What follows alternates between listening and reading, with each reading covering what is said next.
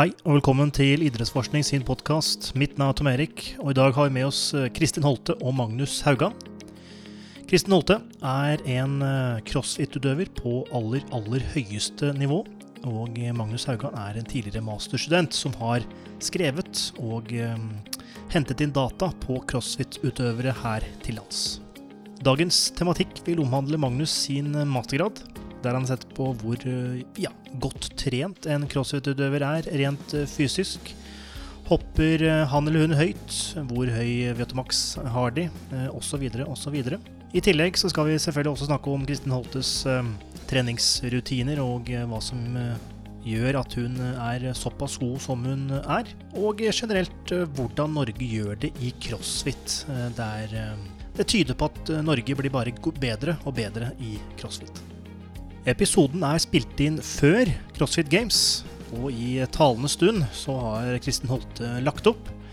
Hun endte på en fjerdeplass i CrossFit Games, som vi i idrettsforskning ser på en meget verdig avslutning på en fantastisk idrettskarriere. Så lykke til videre, Kristin. Og med det så ønsker jeg deg en god lytting.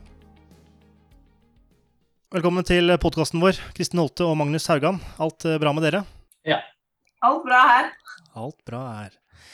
Eh, dere befinner dere kanskje i Oslo. Dere har jo tilknytning til CrossFit Oslo begge to, så vidt jeg veit? Det er korrekt. Nå sitter vi på eh, kontor slash massasjerom slash lab her på CrossFit Oslo. Riktig, riktig. Så bra. Eh, og eh, ja, mista jeg litt tråden her. Grunnen til at jeg mista tråden, så er, fordi nettet vårt, eh, eller nettet mitt datt ut. Så derfor så har vi nesten innøvd denne introen her iallfall én gang tidligere. Men eh, vi har med oss Kristin Holte, som er crossfit-utøver eh, og toppidrettsutøver, eh, vel å merke. Og vi har Magnus Haugan, som er tidligere, kanskje ikke tidligere, men eh, har iallfall levert sin mastergrad nettopp. Og vi skal bli litt kjent med våre gjester. Så hvis dere kan si litt om dere selv, eh, og vi kan starte med Kristin. Ja. Kristin Holte heter jeg. Jeg eh, har blitt 35 eh, år, så jeg er ikke noe ungkalv lenger. Jeg har blitt faktisk masteratlet i crossfit. Um, jeg har Innenfor utdannelse så har jeg en bachelor i idrettsbiologi fra, fra Norges idrettshøgskole. Og så har jeg en mastergrad i klinisk ernæring fra Universitetet i Oslo. Men eh, siden 2014 så har jeg drevet med crossfit egentlig på fulltid. Eh, og vært så heldig å fått lov til å ha det som en jobb. Jeg har eh, hatt litt eh, workshops og eh, drevet med litt forskjellige events og sånn ved siden av. Eh, nå nå har jeg starta noe som heter Krigertraining sammen med min coach Joakim Rigg, som eh, er programmering, og eh, har planer om å utvide det seinere. Men foreløpig så er det det å være utøver som er hovedfokuset mitt. Og føler meg veldig, veldig heldig som får lov til å gjøre det. Ja, veldig trent. Magnus? Ja, Magnus Haugan, 27 år ung fra Molde. Uh, må bare få gjenta det, da, at det er en ære å få være med på podkasten deres uh, for, uh, for nettet ditt, jeg. Stemmer, stemmer. Og det er, som jeg også sa, tredje eller fjerde gangen tror jeg vi har hørt det. Så det er jo alltid en ære å få høre at det er en ære. Ja, det er på, det er på sin plass. Um, og så får vi se om vi kan backe opp det Kristin sa, da. Men uh, utdanning så har jeg også en bachelor fra, altså, i idrettsbiologi fra idrettshøyskolen. Og så tok jeg akkurat nå mastergrad i fysisk prestasjonsevne um, fra også Norges idrettshøgskole. Uh, sportslig så er det ikke så mye å, å, skryte av på samme måte som Kristin, men jeg kan si at jeg er bedriftsmester da, i fotball ved CrossFit Oslo i hvert fall to år på rad. Ja, ja, ja. Den, eh, den, tar vi med oss. Det, vi tar med alt vi kan ta med. Eh, riktig, Men driver du med crossfit selv? Um, hobbyutøver, kan vi si. Ja. ja. ja. Siden du har vel... for et par år siden. Ikke sant. Men jeg, regner med du har Jeg tvinger meg på noen økter innimellom. Så får kjørt meg. Det er liksom alltid slått, så det er ikke alltid like gøy. For du, du får ikke starte med noe handikap eller noe sånt noe? Nei, nei, nei. nei. nei riktig. Null hensyn. Det er bra, det. Hvor, eh, kan jeg spørre, hvordan er det dere kjenner eh, hverandre? Nei, det er jo her, da. Vi flytta jo hit i 2017, og så begynte jeg å trene her. Og så ble det vel egentlig bare mer og mer via treninga. Ja. Mm. ja. Og Magnus, uh, Magnus, er sånn som er enkel å ha med å gjøre. Hvis du spør han uh, rett før en økt om skal du være med, så trenger han tre minutter på å varme opp, og så er han klar. Så okay. veldig, veldig fint sånn sett. Og så har han også hjelpa til mye med, med testing, da, som, uh, som, jeg har fått gjort spesielt det siste året. Ja, ja. Og det er jo en del av podkastens tema i dag, nettopp din mastergrad, Magnus, der du har gått inn og testa crossfit-utøvere på et høyt nivå i ulike fysiske tester. Ehm, kan du fortelle oss litt om hva din bakgrunn for å gjøre dette her, og hva du fant ut? Ja. Eh, bakgrunnen var jo egentlig først og fremst interesse for crossfit. Nå har jeg holdt på med det i et par år nå sjøl. Og så er du på en måte Du går opp på ganske gode utøvere hele tida. Du ser på en måte hvor allsidige de er, og hvor godt fysisk trent de er. Men så hvis man tenker litt sånn vitenskapelig, så er det på en måte ikke noe i litteraturen som viser hvor gode de er. Men ved diskusjoner ved, på en måte, gjennom andre trenere og samtaler, så, så får man på en måte kanskje et lite blikk av at de har så og så høy VO2max, de har clean and jerk på den vekta, snatch på den vekta. Men rent fysiologisk så vet vi kanskje ikke så mye. Og så ble det egentlig et lite dykdypp i tidligere litteratur. Eh, og så da at det er ingen studier som har hatt med så gode utøvere eh, tidligere. Eh, og da var det egentlig å, å gå på kontoret på NIH og banke på døra og spørre om noen hadde vært interessert i å være med på det prosjektet her. Rett og slett finne, altså kartlegge da, den fysiske kapasiteten til eh, crossfit-utøvere på ganske høyt nivå. Og da fikk jeg med meg Gøran Paulsen da, som veileder. Um, og så, mm. så, gikk det nå sin gang, da. Men uh, hovedsakelig så er veldig mye av bakgrunnen er interesse, og, og fordi vi ikke vet så mye om dem fra, fra tidligere litteratur. da. Mm. Så når du satte i gang og testa Du testa jo eh, laktatprofil, eh, Viatomax, eh, spenst, eller vertikal spenst, eh, kraftutvikling i beina eh, osv. osv. Var det var, Ble du overrasket? Var det høyere enn det du trodde? Lavere enn det du trodde? Eller var det slik du forventa?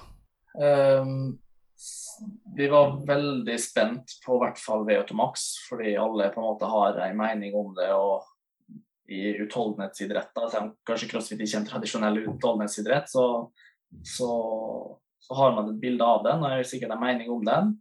Og da var jeg veldig spent på hvordan var de utøverne her i forhold til det vi visste, og kanskje med tanke på det vi håpte. Så resultatene der er jeg veldig fornøyd med. Eh, både fordi at vi klarte å svare på problemstilling 1, eller i hvert fall en del av problemstilling én. At den var høyere enn det vi har sett tidligere. Eh, og så, så var det, ja, det var betryggende å se at de faktisk hadde så høy O2 som vi, som vi håpte.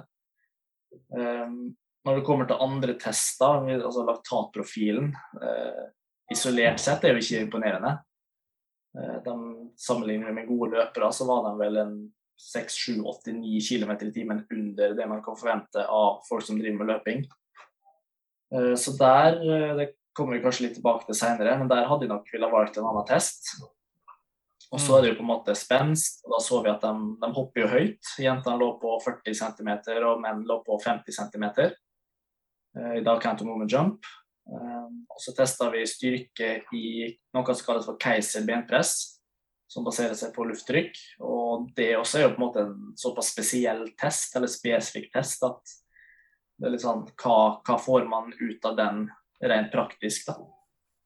Um, og så var det Wingate 30 sekunder all out på sykkel. Um, der på en måte brukte vi det som et mål på anaerob kapasitet.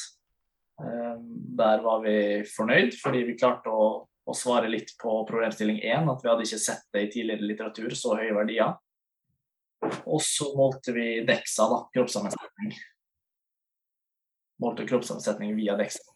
Mm. Eh, og der var det på en måte litt sånn som vi skriver i i, eh, i, diskusjonen at det er jo Man skal være litt forsiktig med å beskrive de resultatene, fordi at kroppssammensetning er mest sannsynlig Altså den er jo varierende fra sport til sport. Eh, Så ja. Mm. Så det er hovedsakelig de testene jeg gjorde. Hvis du Kristin, skulle ha, uten å ha lest oppgaven, hvis du skulle på en måte eh, beskrevet en typisk crossfit-utøver, og hva en crossfit-utøver trenger av fysiske egenskaper, hva ville du ha sagt da? Bør man ha litt av alt, eller mer av det ene eller av det andre? Jeg tenker det mest optimale er å, er å være veldig god eh, på utholdenhet. eh, Veldig sterk, forholdsvis lett eh, og veldig god teknisk. Um, Så egentlig best på alt, da. Eh, God på alle, alle mulige ting, men det er jo vanskelig. Ja.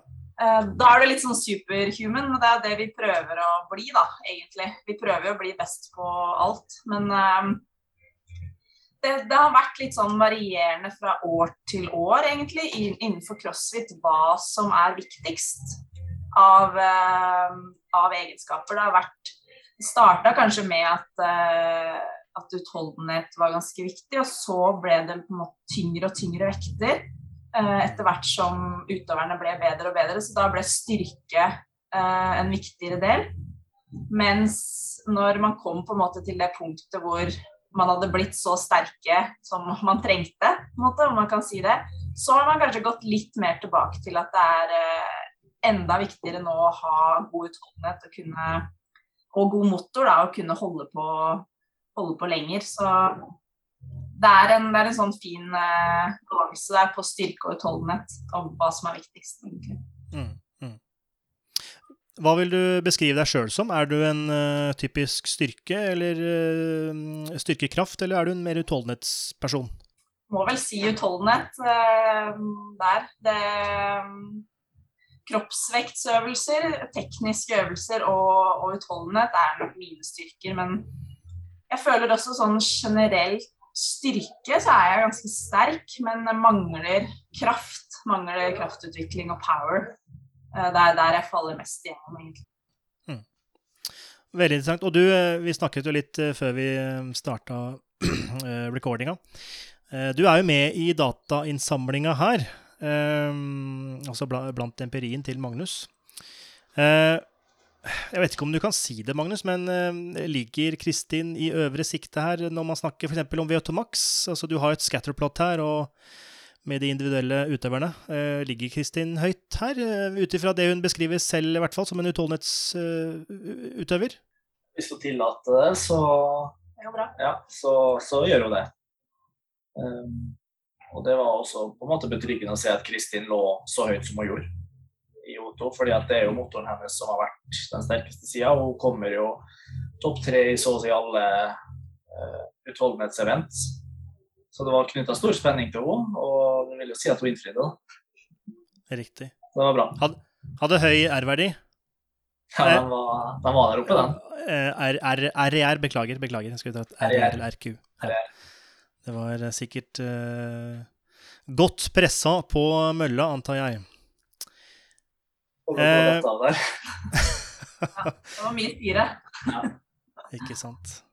Um, hva tenker du om de testene som har blitt gjort deg? Altså, det er ganske generelle tester uh, i form av vertikal spenst, uh, VO2max, eh, laktatterskel med løping. Hva tenker du om de testene her, Kristin? Altså, er det verdifullt for deg som utøver å faktisk vite dette her, eller skulle eller er du mer opptatt av å se tider i uh, typisk uh, Grace eller Murph eller uh, andre typisk crossfit-økter? Jeg syns det er verdifullt i treningsarbeidet å på en måte vite at Jeg gjorde jo en VO2 Max-test for ganske mange år siden, hvor jeg drev mye mer med løping. Så det å se hvor jeg ligger an nå, når jeg trener mye mindre løping spesifikt, og mye mer styrke sånn generelt, da veier mer, at jeg faktisk ligger på samme nivå som jeg gjorde da, det, det er veldig verdifullt for meg å, å ta med meg. Også eh, sånn som spenst og liksom vite at jeg er der jeg bør være, da. Eh, akkurat verdiene mine er kanskje ikke så, eh, så viktig for meg, men å vite at jeg er der hvor Magnus tenkte at jeg skulle være, eller burde være. Mm. Eh, det er jo viktig, men eh, mye viktigere er på en måte hva jeg klarer å prestere i typiske crossfit-øvelser. I en 2000 meter roing, en 1000 meter roing, eh, spesifikke løpedistanser og spesifikke crossfit-øvelser. For det er det er det som teller. Eh, det hjelper på en måte ikke hvor sterk du er eller hvor bra utholdenhet du er, hvis du ikke klarer å utnytte det når det virkelig gjelder. Og det er å gi crossfit-øvelser. Mm, mm. Eh, hva er det som eh, Dette er et spørsmål til Magnus. Hva er det som eh, Eller til begge, for så vidt. Eh, hva er det som tror du skiller din testpopulasjon, Magnus, i din oppgave versus topp ti i verden sett på dame- og herresiden? Det er et litt vanskelig spørsmål, for så vidt, men prøv likevel. Ja, altså, det er sånn, vi hadde, med, vi hadde jo få forsøkspersoner. Um, men også sånn, vi gjorde jo på en måte en ikke, Det er sikkert ikke mange som på en måte kan så mye om crossfit-sesongen, men for å kvalifisere seg til CrossFit Games, så er det på en måte et par steg. Og det siste steget nå, så var det vel ja, et par hundre stykk som fikk være med på siste steget før CrossFit Games. Mm. Det vil si at antallet forsøkspersoner som vi hadde med, som er i den gruppa, er jo på en måte 0,3 Og Det er veldig få. Um, men så vet vi også at i prosjektet så er det deltakere som har vært med i Games, og som skal til Games. Eh, jeg vet ikke om det svarte på spørsmålet, men uh, så nivået var jo bra. Nei, altså, det blir jo vanskelig Ja, det blir jo vanskelig å svare på det. Men hvis man ser på Tia Claire Toomey eller Davidsdotter, som har gjort det bra lenge, eh, eller eh, Fraser når han var aktiv. Eh, han har jo lagt opp noe, så vidt jeg har skjønt. Altså, hva er, det han, hva er det han har mer av, eller hun har mer av, enn for eksempel um, snittet, da? Altså er snittet til for eksempel, Hvis du har testa ja. Matt Fraser, hva hadde han gjort bedre, eller han hadde vært på samme nivå som dine utøvere? Og i så fall, hva er det som skiller han versus dine utøvere, testutøvere? Det er jo liksom det som er vanskelig å si, for vi, vi vet jo ikke bestemt. Eh, og det var jo sånn som når vi tok det prosjektet her også, så hadde vi en antydning på hvordan utøverne lå an. Men så gjorde vi det prosjektet her for å faktisk få et svar på det. Når vi ser på en måte i konkurranser, så er det jo enkelte som løfter mer enn andre. Mens andre er min utholdenhetsevent, der de kanskje sterke faller lenger ned. Um, så å sett kanskje de beste utøverne Jeg tror det hadde vært uh, Vi bare bygger opp utøverne mine da, og sier at det, hadde vært ganske likt. Men uh, noen hadde nok vært uh, over i enkelte tester, mens andre hadde vært under i enkelte tester. Så jeg tror nok at resultatet til Kristin er jo altså Hun vinner jo utholdenhetsevent. Så det er liksom at hun er i toppen der, det, det er jeg ganske sikker på. Jeg tror ikke det er mange som er over henne i f.eks. O2. Eh, men folk er sterkere, og folk kanskje hopper høyere. Men så blir det spesifikt på de testene, um, som vi kanskje går litt inn på etterpå når vi skal snakke om hvilke andre tester kunne kanskje blitt gjort for å gi et mer praktisk bilde. da. Mm. Spesifikt mot crossfit. Ja. Jeg tror jo, um, bare for å skyte inn noe der, at jeg vet jo at det er flere som har ganske mye høyere OP enn meg. Um, jeg, altså jeg vet ikke om så mange, men jeg vet noen. Men jeg slår de fortsatt i en ren løpeøkt, da. Uh, så jeg tror altså utviklingsgraden her er veldig viktig å ta med, men også det mentale, at det har så mye å si. Det er derfor jeg sier det at det hjelper på en måte ikke hvor god utholdenhet du har, eller hvor sterk du er, eh, hvis ikke du klarer å få det ut når det virkelig gjelder. Og der kommer det mentale inn, da, tror jeg, og er veldig viktig. Og det tror jeg er det viktigste som skiller de beste fra de nest beste. Det er det å liksom kunne yte det lille ekstra når det virkelig gjelder, og orke å pushe seg helt ned i kjelleren. Um, for det er ubehagelig. Det er skikkelig ubehagelig. Men det er det som må til for å bli best, da. Så det er klart at uh, Tia Claire Toomey har nok bedre testresultater enn meg på mange ting. Uh, hun er generelt sterkere og mer power enn meg, men sånn utholdenhetsmessig så tror jeg ikke hun er så veldig mye bedre. Men uh, hun er god på alt. Da. God teknisk. God på å jobbe med syre, virker det som. Sånn. så det er på en måte Men jeg tror til syvende og sist det er det mentale som som er uh, avgjørende. Matthew, you had the question. Yeah, um, I just wanted to go back to when you was talking about the testing in general, I'm I'm looking at your masters up Garver now actually, and I'm just thinking like I'm very impressed that you got a good sample of like high performing athletes. So 19 in total, right? I think if I tried to test like 20 international footballers with the amount of tests you did, we'd just be like, nah, no chance. So I've got a couple of questions. Um, my first one is Do you think if you did this in the USA with 20 high performing CrossFitters, you'd get 20 people saying yes? Eh, å er da. Eh, det vi er heldige med her, er jo at vi har såpass mange gode utøvere lokalt her i Oslo som var greie nok til å takke ja. Så det, Men kanskje er de litt mer spredt i USA, da. Men vi har jo folk fra Oslo, Trondheim, Bergen her òg. Det er vanskelig å si. Jeg tror også det er det er avhengig av når på året du gjør det, hvilke, at du tar det i offseason. At det ikke er rett, uh, rett før en konkurranse, f.eks. Da er det veldig, veldig vanskelig å få folk til å bli med. Men sånn som vi gjorde i vår offseason, hvor man faktisk får en god treningsøkt ut av det, så tror jeg det er mye lettere for folk også å si ja. Og også når man vet hvem Magnus er, og vet at han gjør et ordentlig arbeid, så er det også lettere å si ja. Du hadde ikke blitt med nå? Ikke akkurat nei i det tidsrommet her. hadde jeg ikke. Nei, fem uker til. Yeah, no, that's a that's a that's a good point. So, Christine, like, obviously, you will have been made fully aware of what the testing were. Was there any point where you thought, "Oh, this sounds like a lot," or was it just like, "Yep, cool, let's do it"? Um, nei, jeg syns ikke det var mye. Det var noen øvelser som var litt ukjente, som den beinpressmaskinen. Um, hvor jeg kanskje ikke fikk uh, eh, 45 minutter oppvarming, som jeg pleier å ha. så, som, det var litt sånn ukjent for meg. Så jeg, jeg, tror nok at kunne jeg gjort testene flere ganger, så hadde jeg gjort det mye bedre. Fordi jeg trenger liksom enda mer tilvenning. Mm. Men det var jo likt for alle, så det var for så vidt greit. I've got one more question then in relation to that. This is a, I don't know if it's a deep question. I love these philosophy questions. Tom Eric hates me asking them, but I'm going to do it anyway. But um, do you think you would have been maybe less receptive to doing the testing if your education was different? Obviously, you've got a similar background. I don't know if that helps. Like, okay, I've I know what this is about. I kind of appreciate it a bit more. Did did that have any influence? Do you think for you personally? Um, maybe. Um, kanskje, på norsk. uh,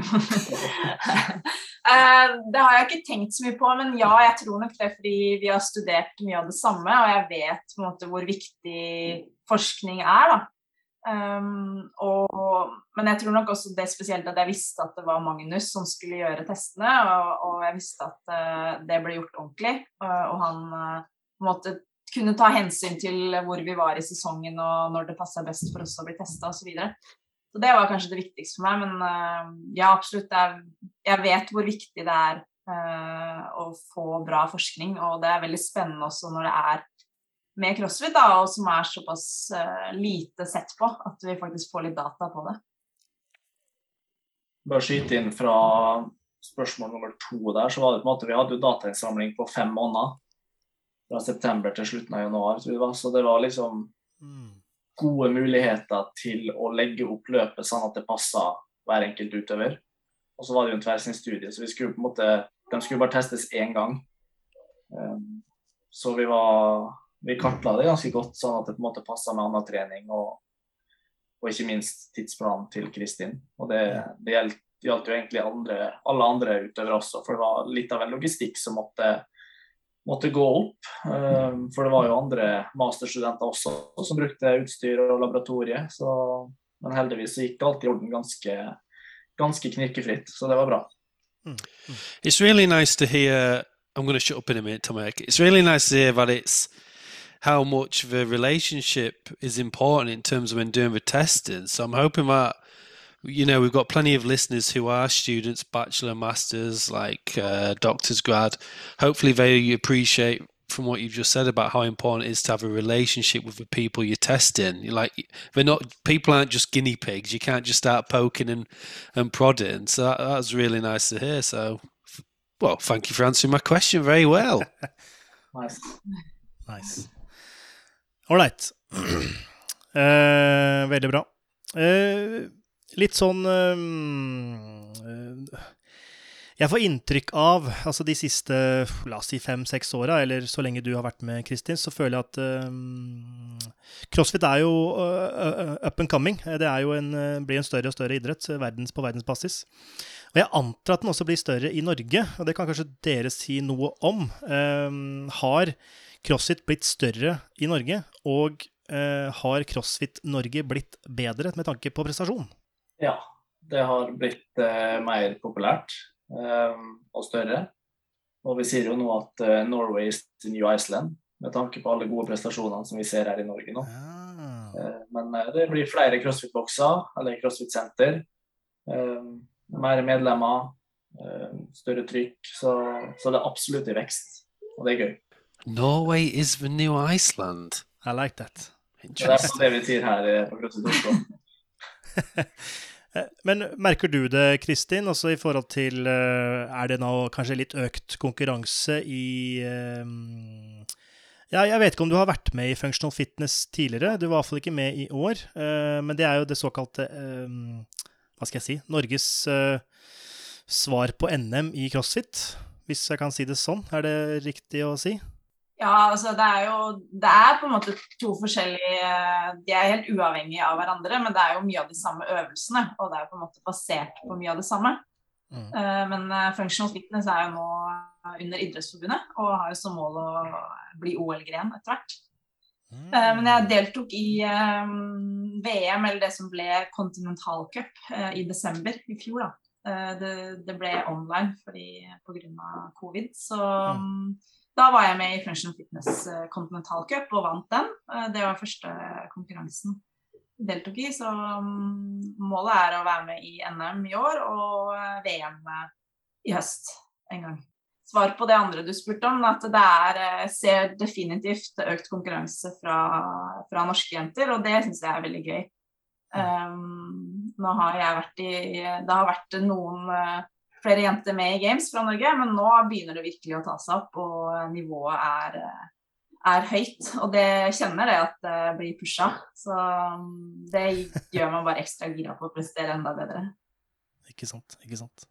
Ja, det er alltid Det er jo Som eh, nordmann eller en, en eller annen nasjon, man er alltid ivrig på å se sine egne egne konkurrere i en idrett eh, når den vises på TV og den slags. Så det er alltid ålreit. Um, jeg har lyst til å ta litt tak i eh, at functional fitness skal bli en OL-gren. Det syns jeg var litt interessant. Hva, hva, hva tror dere CrossFit tenker om det? Altså CrossFit er jo et eh, måte eget varemerke. Um, ja, jeg er jo veldig for at eh, ting skal inn i OL, i hvert fall mesteparten. Eh, så det høres jo veldig positivt ut. Men hva skjer da med CrossFit? Eh, ingenting, tror jeg. Um, det, er, det er jo to uavhengige eh, organisasjoner. altså CrossFit eies jo av en mann eh, i USA, eh, og CrossFit vil nok alltid være CrossFit. Um, det har bygd seg opp som så stort varemerke nå, men kommer aldri til å komme inn i OL som CrossFit. Um, da må det så mange endringer til som er mest sannsynlig som mest sannsynlig ikke kommer til å skje. Mens eh, med Functional Fitness er det en uavhengig organisasjon som er eh, her i Norge er det med i Norges idrettsforbund. eh, og har da muligheten til å bli OL-gren. eh, som hadde vært veldig spennende. Det, det er etter min tid som, som eh, utøver. Men eh, det hadde vært veldig gøy å se at det skjer en gang i fremtida. Tror målet er 2028. OL 2028 i LA. Ok. Ok. Så eh, Du nevnte at det var etter din tid. Så eh, det, var var, det var et spørsmål jeg hadde tenkt å stille litt seinere. Men uh, hva er planen din, Kristin? Hvor lenge ønsker du å konkurrere, eller vil konkurrere? Altså, er, har, du noen plan der, eller skal det bare holde på til du uh, klarer å holde følge med de som er best? Nei, det mm, Jeg vil helst gi meg på topp. Eh, og gi meg før, eh, før jeg får noen varig men, Mm. eh, sånn kroppslig. Så jeg um, Det er ikke så lenge igjen, for å si det sånn. Eh, Ok. Det nærmer seg slutten. Ja, ja. Riktig. Men, men fysisk så tror jeg jeg kunne holdt på, holdt på flere år til. Jeg føler meg veldig bra, og kroppen fungerer veldig fint.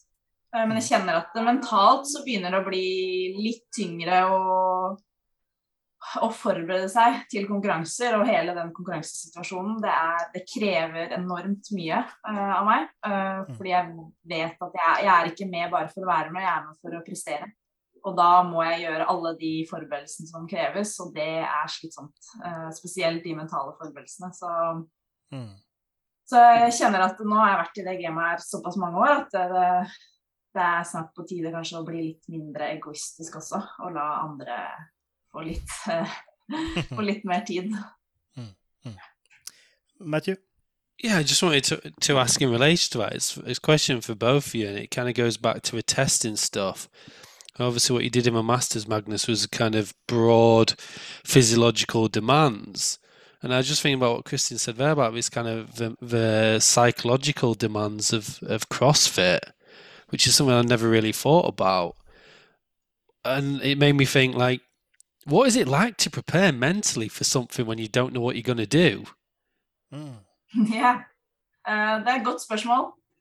Det er jo eh, Jeg syns det er et av de mest spennende aspektene ved crossfit. Det er faktisk å forberede seg på det du ikke vet hva er. Um, fordi da må man forberede seg på alle mulige scenarioer uh, og på en måte visualisere seg selv ute på gulvet f.eks. i ulike øvelser, i ulike situasjoner. Um, jobbe med OK, hvordan, hvordan skal jeg håndtere hvis det og det skjer, hva skal jeg ha fokus på da? Eh, hvordan vil jeg fremstå for de andre? Eh, hvordan vil jeg fremstå for publikum? Altså, hvordan ser jeg ut hvis jeg får en no rep, f.eks.?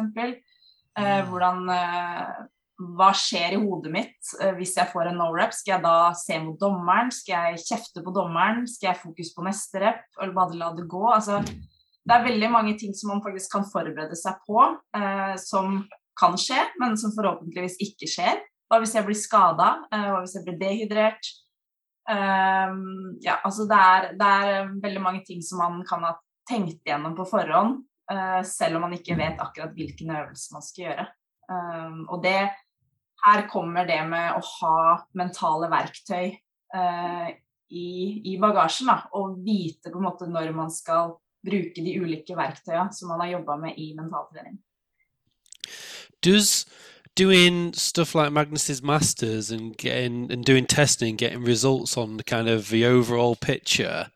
So having some idea of where you're at in terms of strength, endurance, lactate, body fat, explosiveness. Does that does that is that a kind of thing that might make you feel more prepared, even though you don't know what you're going to do in the event? If you can kind of see where you're at numerically. Um, yeah, sort of. Um, Sorry, det blir litt engelsk og norsk her. det går fint. Det er, ikke, det, det er ikke, første gangen. um, practicing my English too. um, nei, altså ja, det er, det er fint å ha, ha, det som en bakgrunn. Akkurat på det området så tenker jeg det er viktigere liksom, å vite ok, hvor ligger jeg i snatch, hvor ligger jeg i clean and jerk, hva har jeg tatt i knebøy å vite, og Det gir meg selvtillit å vite at jeg er sterkere enn jeg har vært før, eller jeg ligger der jeg har vært tidligere. Uh, og kjenne at formen på en måte er god. Da. Det er veldig bra uh, for selvtilliten, men det mentale det må gjøres også i tillegg.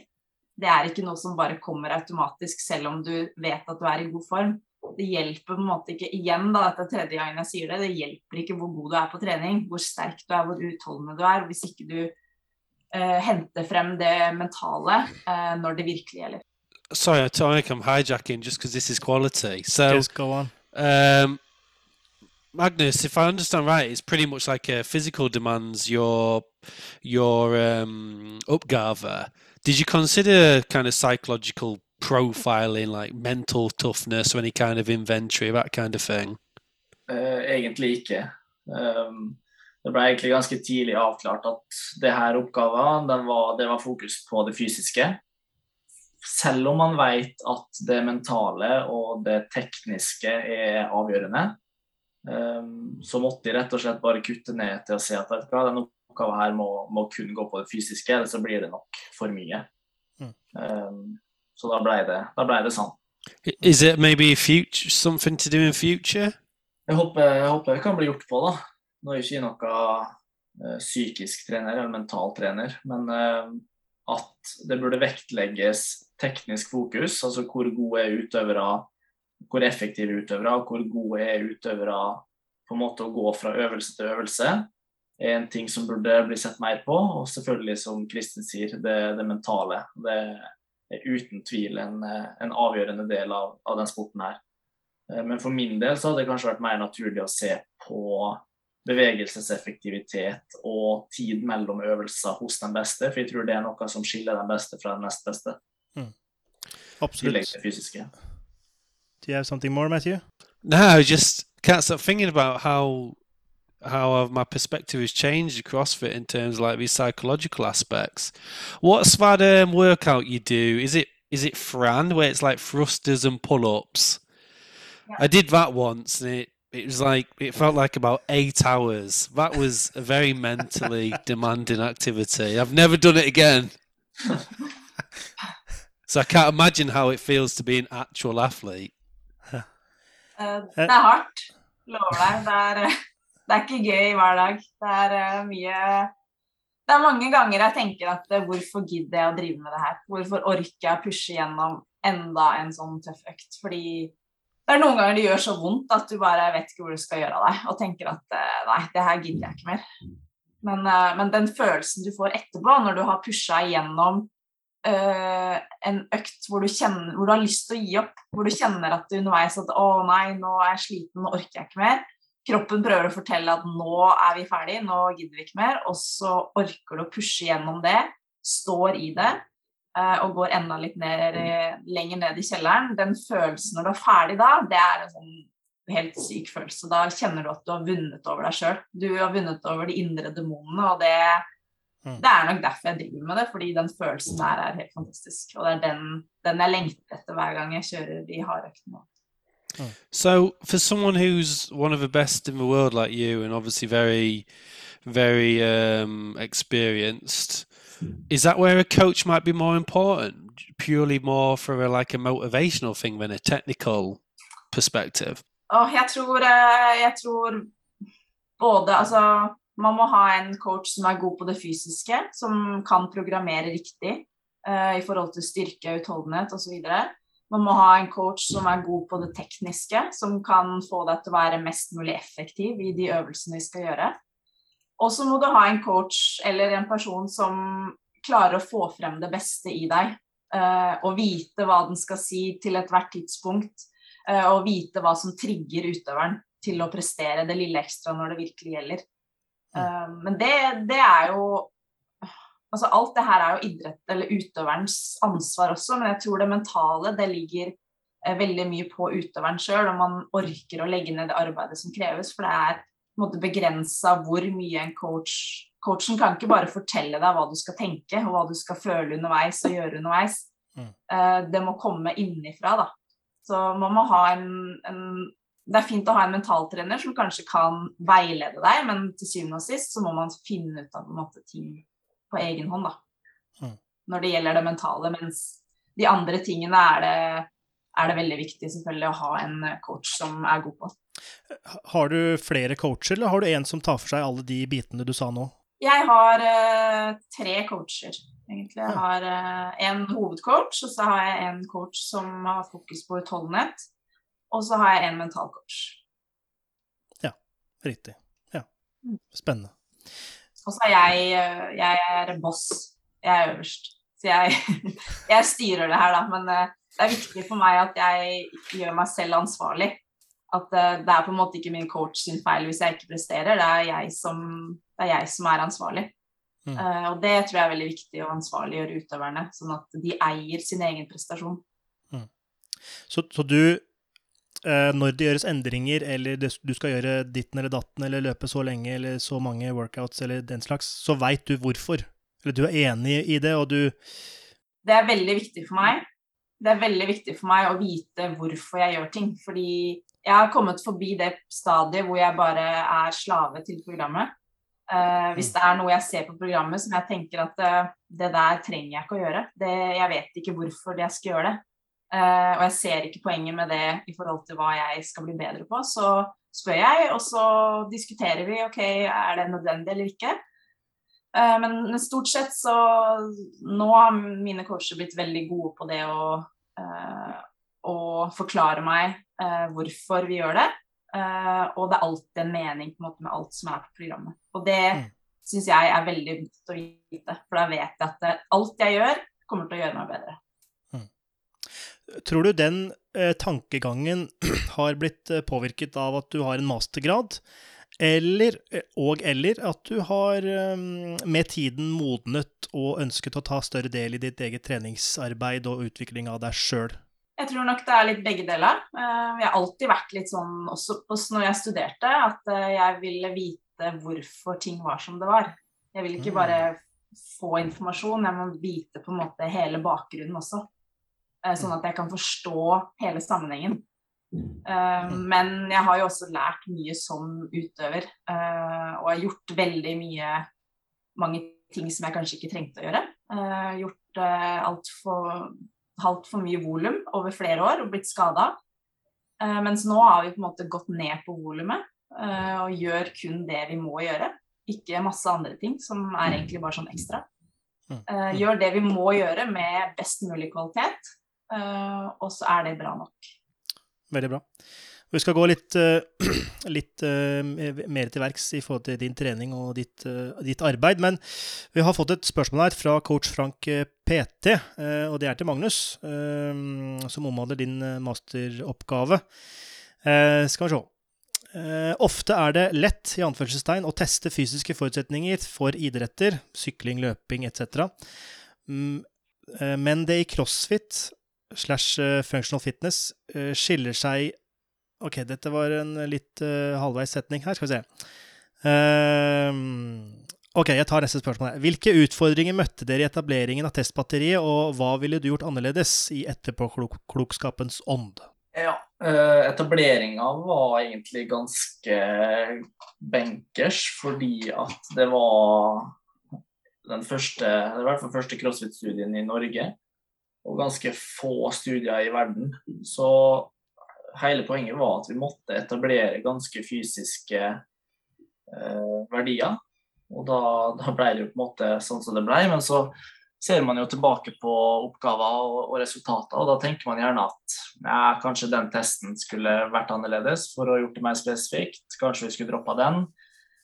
Men så er det jo Vi vurderte jo å kjøre det ganske spesifikt. Vi vurderte å kjøre 2000 meter roing på crossfit-utøverne fordi at roere har 2000 meter som konkurranseform.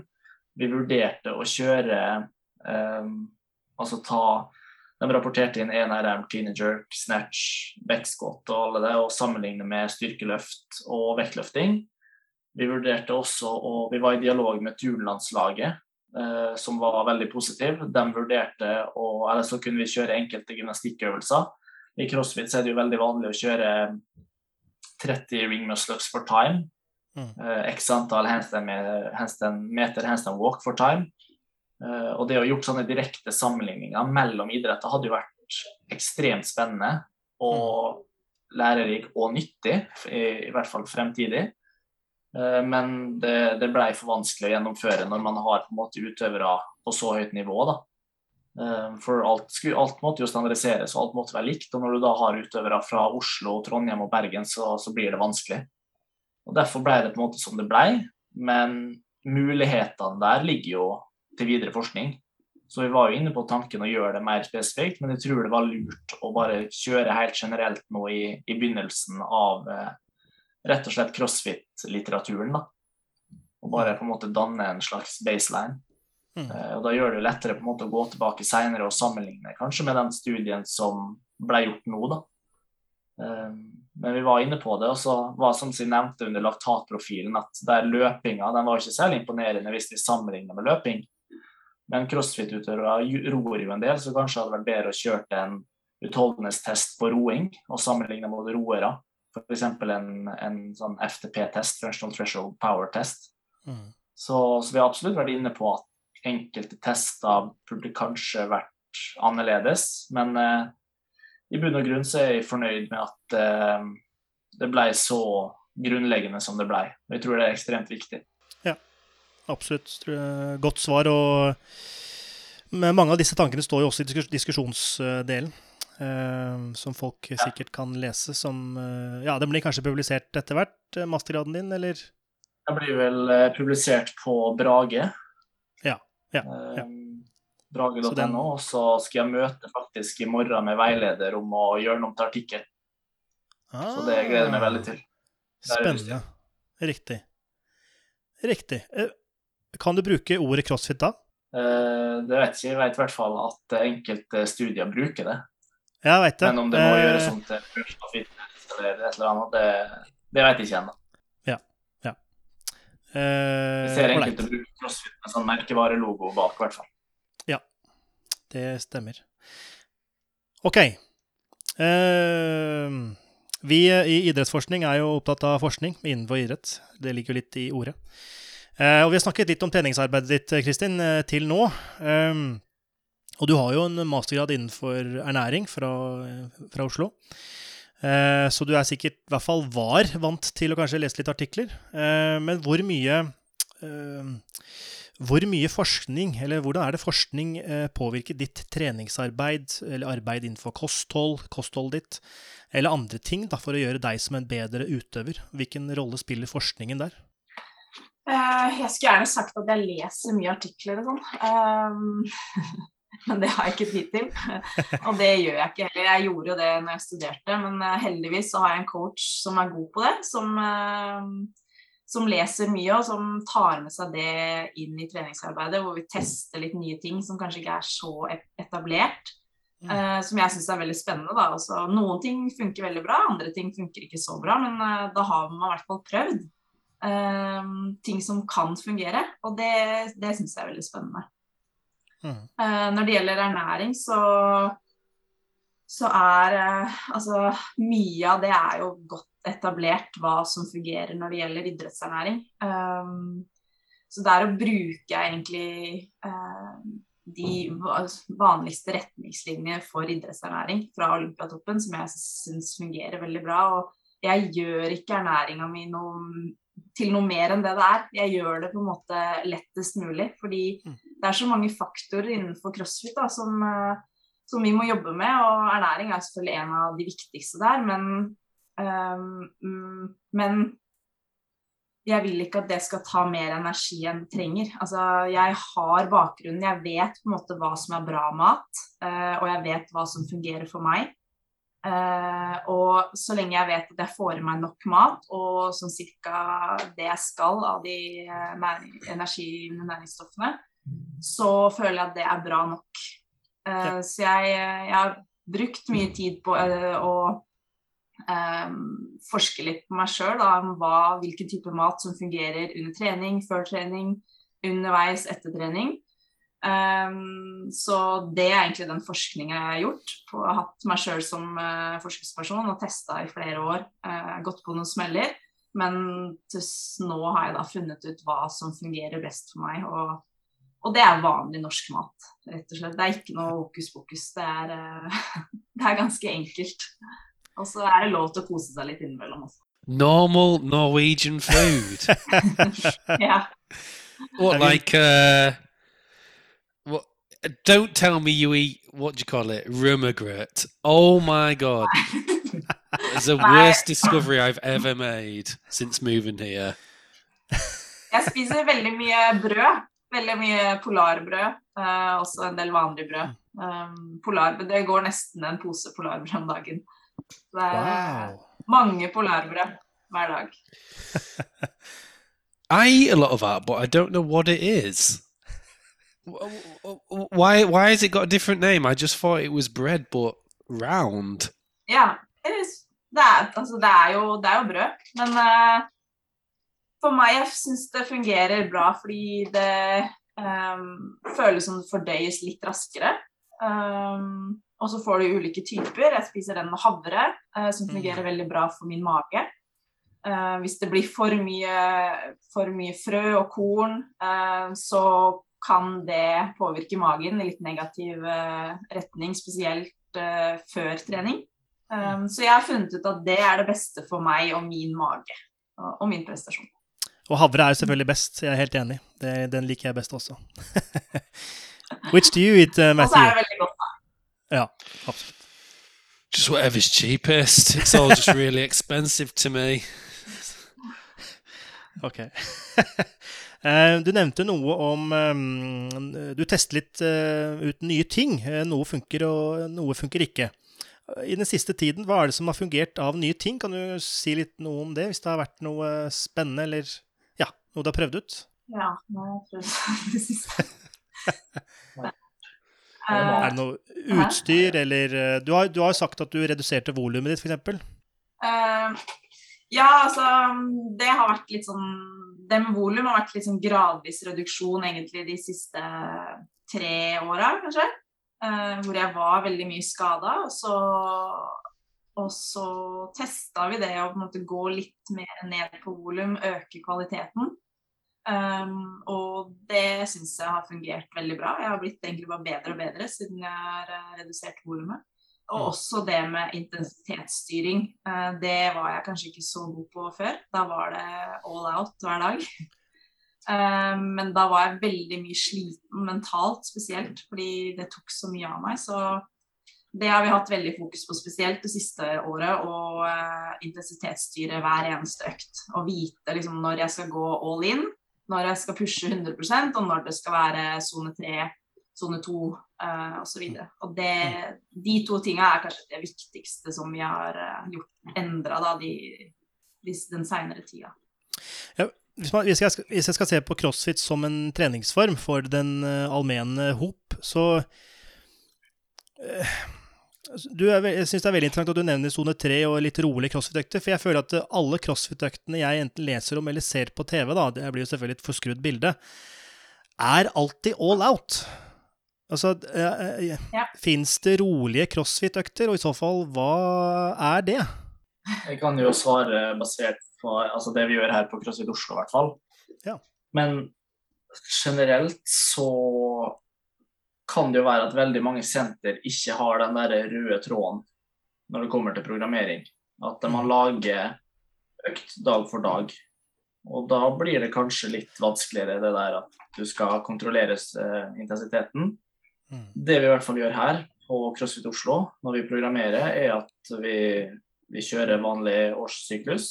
Eh, Open, CrossFit Open er jo på en måte målet eh, hver vår. Og så går vi i perioder med fokus på enten styrke eller eh, vektløfting eller gymnastikk osv. Og så sørger vi for å ha to til tre røde dager i uka.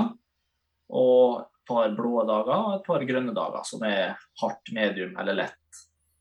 Mm. Men så må vi også tenke på at vi har eh, 500 medlemmer pluss, der enkelte kan gå på trening sju dager i uka, mens andre kan kun gå på trening to dager i uka. Mm. Og vi vet jo ikke når de dagene er. Mm. Det vil si at vi setter opp en grunnplan, men så er det opp til oss å informere trenere og dem som har timen, og skrive tekst til programmet at den dagen her er sann, den er hard, eller den er blå, den er medium. Men hvis det kommer noen som har den dagen her som sin eneste økt, så vil vi at det skal være høy intensitet, fordi at høy intensitet er bra for hjertet og bra for helsa.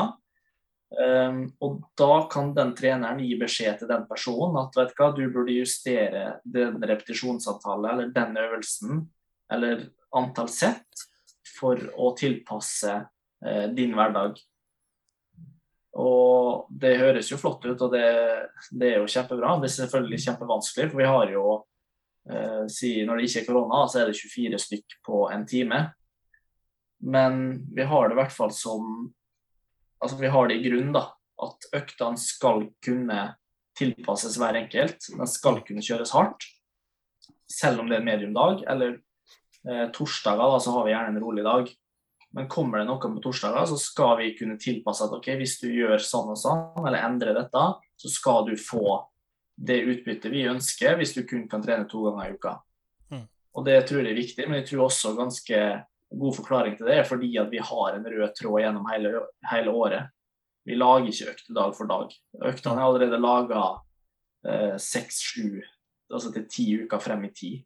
Ah. Så, så vi føler i hvert fall at vi har en ganske bra eh, hva skal man si, dialog mellom trenere her, og vi har et system som vi føler fungerer ganske bra. Mm. Øktene blir også lagt ut på internett eh, uke i forveien, så folk kan på en måte planlegge. Jeg tror det er avgjørende. Ja, Veldig interessant og høres veldig fornuftig ut, eh, Matthew. Yeah, I just want to follow up from that because, uh, you know, it's nice now that I've not got very much experience in CrossFit and I've only been to a few gyms, but everyone I've been to in England and when I've spoken to people over here now, every CrossFit coach I've had some kind of conversation with or been trained by has a structured approach to CrossFit. Um, and like appreciate the importance of recovery and, and not being like a thousand percent effort on everything all the time. So my question is like people who aren't involved in this sport or activity in any way have can often have quite a negative perception of it. And I think it's just because they don't understand just how structured and organized the training is. So I- I don't know if either of you two have got thoughts why CrossFit, for example, gets bashed a lot on the internet. People think it is just maximal effort exhaustion all the time. Everybody's dying of like kidney disease or what, is it, rhabdomyolysis.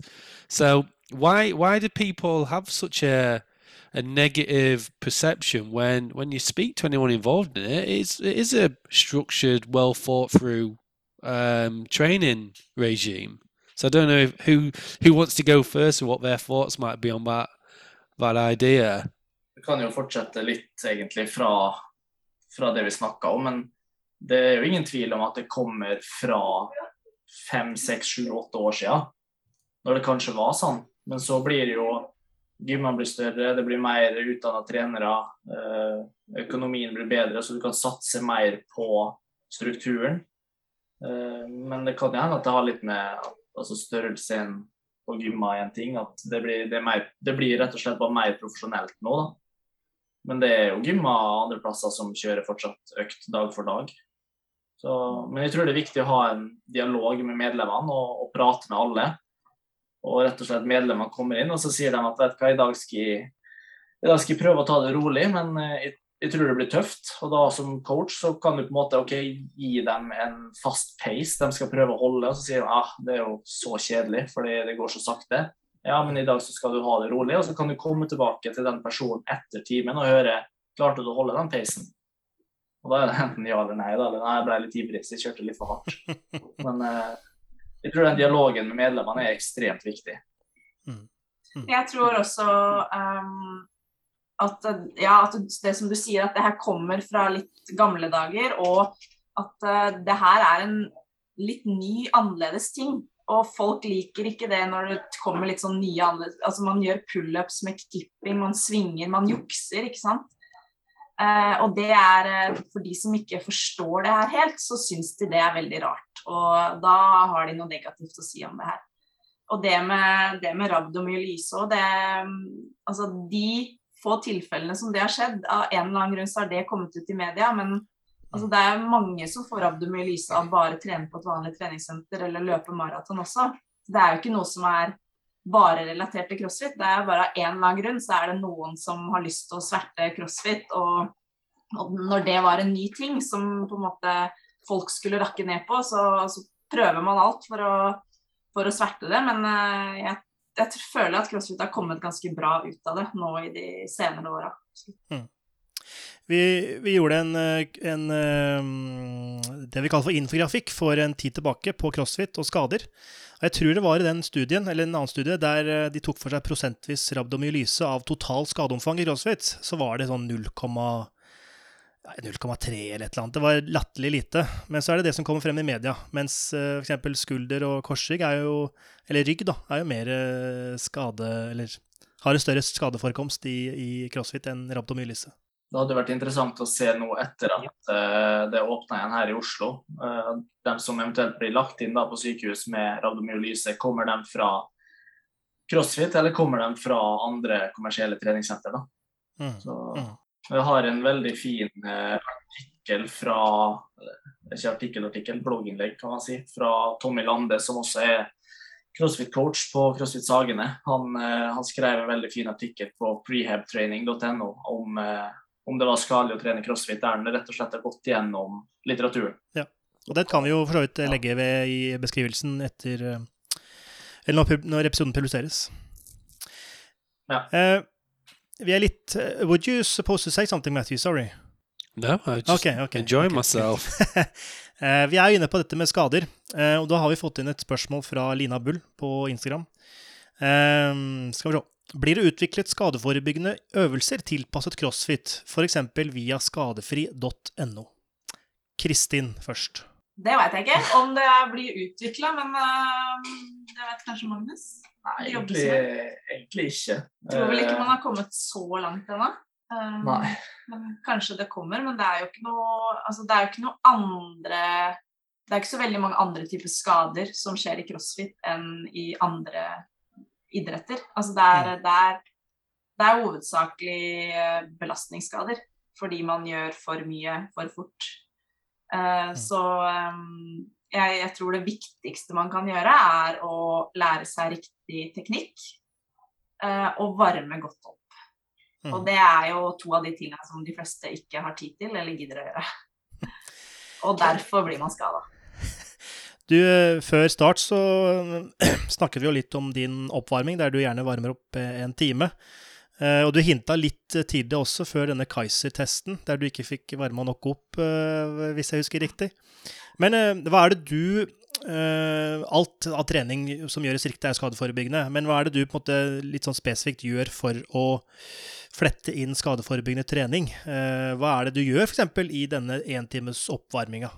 Ja, vi kan, altså kan jo ta dagen i dag som et eksempel. Da, da skulle jeg gjøre clean and jerk, litt vektløfting. Jeg skulle gjøre backsquat, også litt accessories. Så da begynner jeg med ti minutter cirka, med litt sånn generell tøying for å få i gang uh, Få løsna på kroppen litt. Så har jeg ca. ti minutter med generell oppvarming, som er da gjerne sykkel og roing. Så får opp pulsen litt og blir litt varm. Eh, så går jeg eh, tilbake til mer spesifikk tøying, eh, og gjerne dynamisk tøying. Tilpassa den øvelsen jeg skal gjøre. Etter det så går jeg over på aktivering. Og da jobber jeg en del med minibands, aktivere sete, aktivere hamstring. Aktivere skuldre med kettlebell, gjøre litt kettlebell-press, kanskje gå med kettlebell over hodet, siden jeg skal gjøre clean and jerk. Sånn at de musklene som skal jobbe, er på en måte har kjent på det å være aktivert før jeg faktisk eh, begynner øvelsen. Og så, etter det, så begynner jeg spesifikk oppvarminga, og da med stang. Eh, mm. Så da skjønner du at det tar litt tid. Eh, for den generelle oppvarminga egentlig tar 45 minutter, og så begynner jeg med å jobbe med stanga. Mm. Da kommer jeg inn og blir Ja. Da kommer gutta og varmer opp to minutter. Men da må jo økta bli veldig lang? Den blir ganske lang, ja. Men uh, nå er det her jobben din, da, så jeg har tid til det. Så jeg, jeg forstår jo også folk, at folk ikke har tid til å varme opp en time. Men altså Ti minutter er bedre enn null minutter. Så det å, mm. å finne ut da ok, hva er de mest effektive øvelsene for meg uh, før den økta jeg skal gjøre, og så gjør man det. Uh, og så kanskje man sykler til trening eller jogger til trening sånn, istedenfor å ta bussen, sånn at man faktisk får varma opp også litt på Mm. Matthew? I just want to know how much of a warm up is for your brain and how much is for your muscles. Um, ja, altså jeg kan jo legge til at jeg før jeg drar på trening, så kjører jeg også litt sånn hjernetrening. Ah. Som er da for å varme opp, uh, varme opp, hjernen, eller trene hjernen, egentlig. Men, uh, men hjernen begynner nok mest å jobbe når jeg tar i stanga. Eh, for da begynner på en måte teknikkfokuset å, eh, å sette inn. Så det er selvfølgelig at jeg, jeg må føle meg varm. Jeg eh, må, føle, må følelsen at jeg er varm til å gjøre det jeg skal gjøre. Men, men det er først når jeg liksom tar i stanga at jeg kjenner at OK, fokus på teknikk og det jeg faktisk skal gjøre.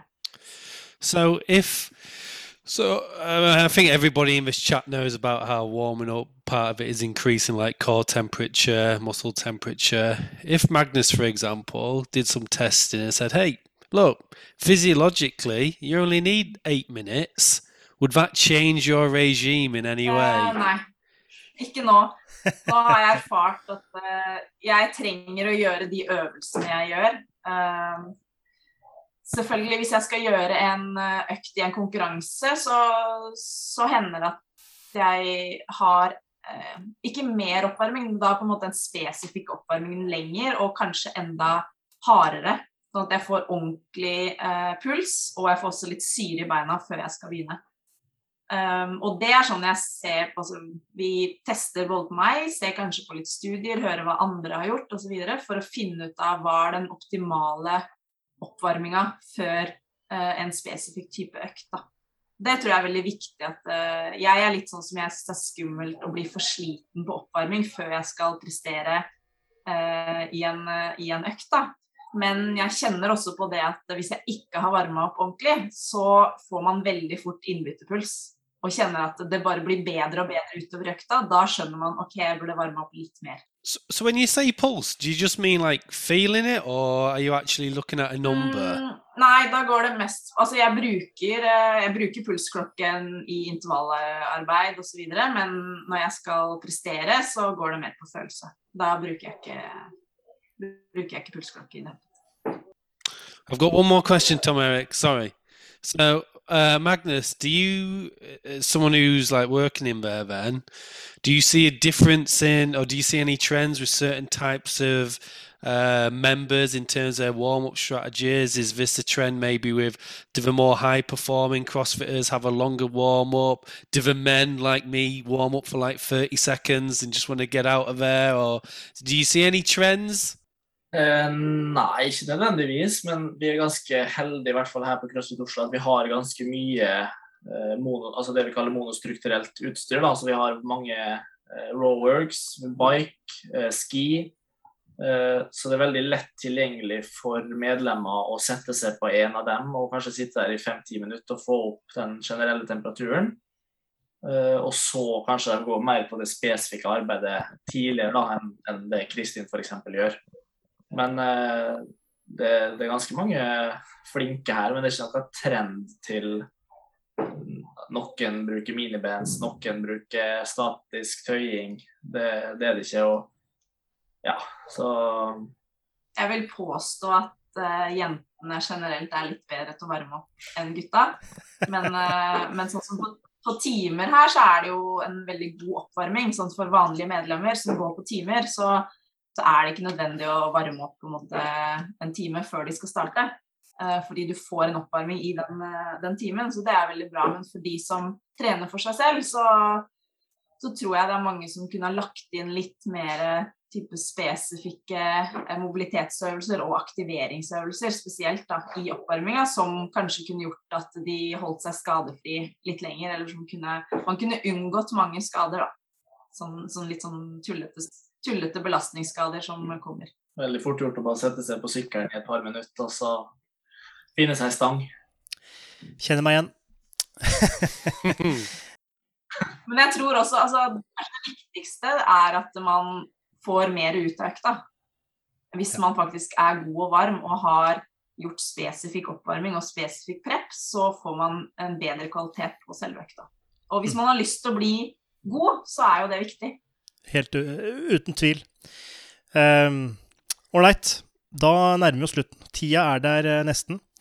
Um, takk for en eh, hyggelig, informativ og spennende prat. Uh, føler dere at ehm, vi har gått igjennom det dere tenkte vi skulle gå igjennom i dag?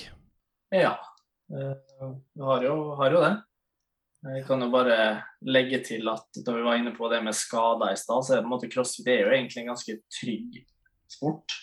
Det er liksom, man står jo gjerne på stedet og utfører knebøy og eventuelt noen pushpress-varianter. Man, man henger i riggen og kjører forskjellige øvelser. Det er veldig sånn små områder man, man beveger seg på.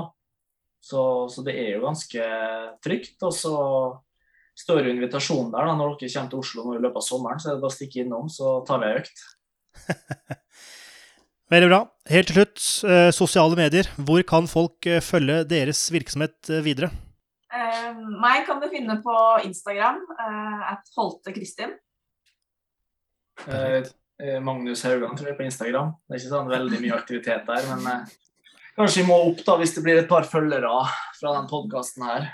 Så, Det kan, kan hende. også til, til Matt, uh, Matthew sin uh, drøm, da, så bruker eller prøver å bli flinkere til å bruke Twitter. Yes! jeg er inne og leser mye der, men jeg er ikke så aktiv der sjøl. Ikke sant. Yes. Get on Twitter. Yes. Yeah. Ålreit. Eh, da takker jeg for praten, Kristin og Magnus. Og Kristin, lykke til i CrossFit Games. Eh, krysser alle fingre og tær for at det skal gå best mulig. Og det gjør det mest sannsynlig. Så lykke til der, og takk for praten. Tusen takk. Takk.